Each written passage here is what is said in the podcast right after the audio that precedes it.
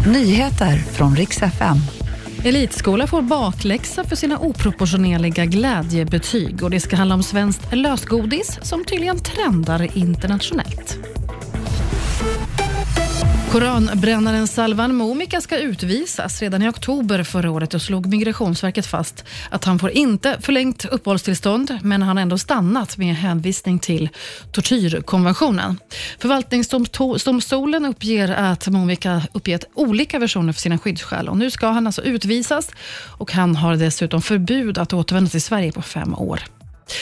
Elitskola får bakläxa för sina glädjebetyg. Det här är Campus Manillas gymnasium på Djurgården i Stockholm som får kritik.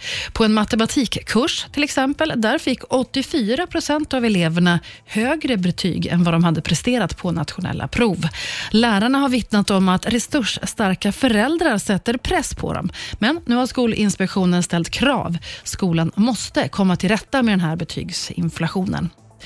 Det ska handla om svenskt lösgodis. Det har tydligen blivit en stor trend i USA. Mm, tydligen har lösgodis en väldigt klassiskt svenskt trend som nu dyker upp på TikTok. Amerikaner köper svenskt lösgodis bland annat hos svenskägda Bon Bon i New York. Dessutom verkar de anse att det är nyttigt eftersom vi har inte lika mycket tillsatser och kemikalier som amerikansk godis. Dyrt är det också, nästan 40 kronor hektot. Det var nyheterna och jag heter Maria Granström.